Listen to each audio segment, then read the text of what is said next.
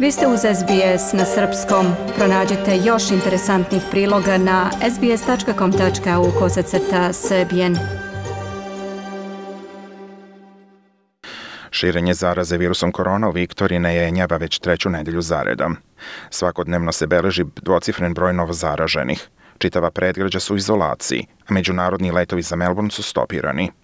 Od kako je zaraza opet buknula, sve češće se može čuti pitanje da li je potrebno nositi zaštitne maske. U ranim fazama pandemije preporuka australijskih vlasti bila je upotreba maski nije neophodna za većinu ljudi.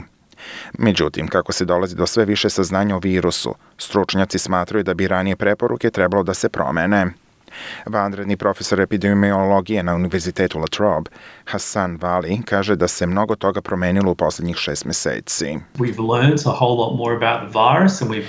Vremenom smo naučili mnogo više o virusu i znamo mnogo više o tome šta treba da radimo kako bismo sprečili širenje infekcije. Kako se naše zdravlje poboljšava, saviti se menjaju i nastavit će da se menjaju. Profesor Veli kaže da je fizička udaljenost i dalje najefikasnija prepreka za zaustavljanje prenošenja virusa među ljudima. Međutim, on dode da maske mogu da budu još jedna prepreka za infekciju. Preporuka o tome da li se nosi maska takođe zasnovana na trenutnoj situaciji u određenoj oblasti, tako da zavisi od toga koliko virus cirkuliše u zajednici. Preporuka Svetske zdravstvene organizacije kaže da ako ima mnogo virusa u zajednici, onda je prilično jasno da je savet da nosite masku. Profesor Veli kaže da je početna debata oko maski tokom rane faze pandemije bila zasnovana na dva značajna faktora. Jedan faktor je bila neizvesnost oko načina na koji maske pomažu u određenoj zajednici, a drugi je bilo mišljenje da nismo imali dovoljno maski za zdravstvene radnike na prvoj liniji borbe s virusom, kojima je ta vrsta zaštite bila potrebna. U zvaničnim preporukama u Australiji gde se kaže da većina ljudi ne treba da nosi masku, navodi se da neki građani mogu da izaberu da nose masku u situacijama u kojima nije moguće održavati fizičku distancu. Vršilac dužnosti glavnog medicinskog zvaničnika Paul Kelly kaže da bi maske mogle da budu deo rešenja u situaciji gde dolazi do velikog povećanja prenošenja virusa u zajednici. That in general terms masks are not needed uh, in most circumstances Generalno gledano, maske nisu potrebne u mnogim situacijama za većinu ljudi. Ponekad maske mogu da budu deo rešenja, kao na primjeru tamo gde dođe do velikog povećanja zaraze, prenošenja virusa u zajednici i tamo gde se ne može garantovati socijalna distanca.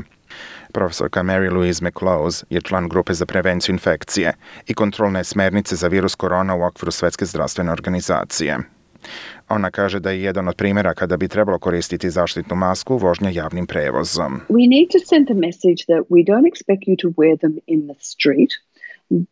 Mi želimo da poboljšamo poruku da ne očekujemo da nosite maske na ulici, jer uglavnom tada nema prilike za prenošenje virusa, ali kada se nalazite u javnom prevozu ili u kancelariji u kojoj ne možete da održite fizičku distancu, onda treba da je nosite.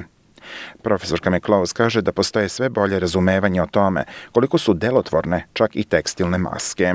The, um, WHO has now put out a guide about... Svetska zdravstvena organizacija je sada izdala vodič za upotrebu tekstilnih maski, koja treba da imaju tri sloja. Spoljašnji sloj koji je otporan na vodu, unutrašnji sloj koji je mekan i ne iritira kožu i srednji sloj koji je od polijestera koji može da se ponaša kao filter.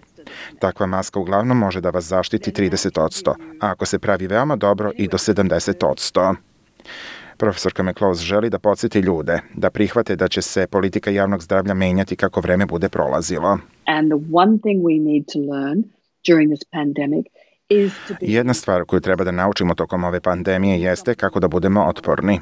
Ako vam nešto kažemo na početku pandemije, treba da prihvatite činjenicu da i mi učimo, jer je ovo potpuno nova bolest i da mi trenutno prikupljamo saznanja o njoj. Da biste bili u toku sa najnovim informacijama i vestima o virusu korona na vašem jeziku, posjetite web stranicu sbs.com.au kosacrta koronavirus. Dajte like, podelite, komentarišite, pratite SBS Serbian Facebook profil.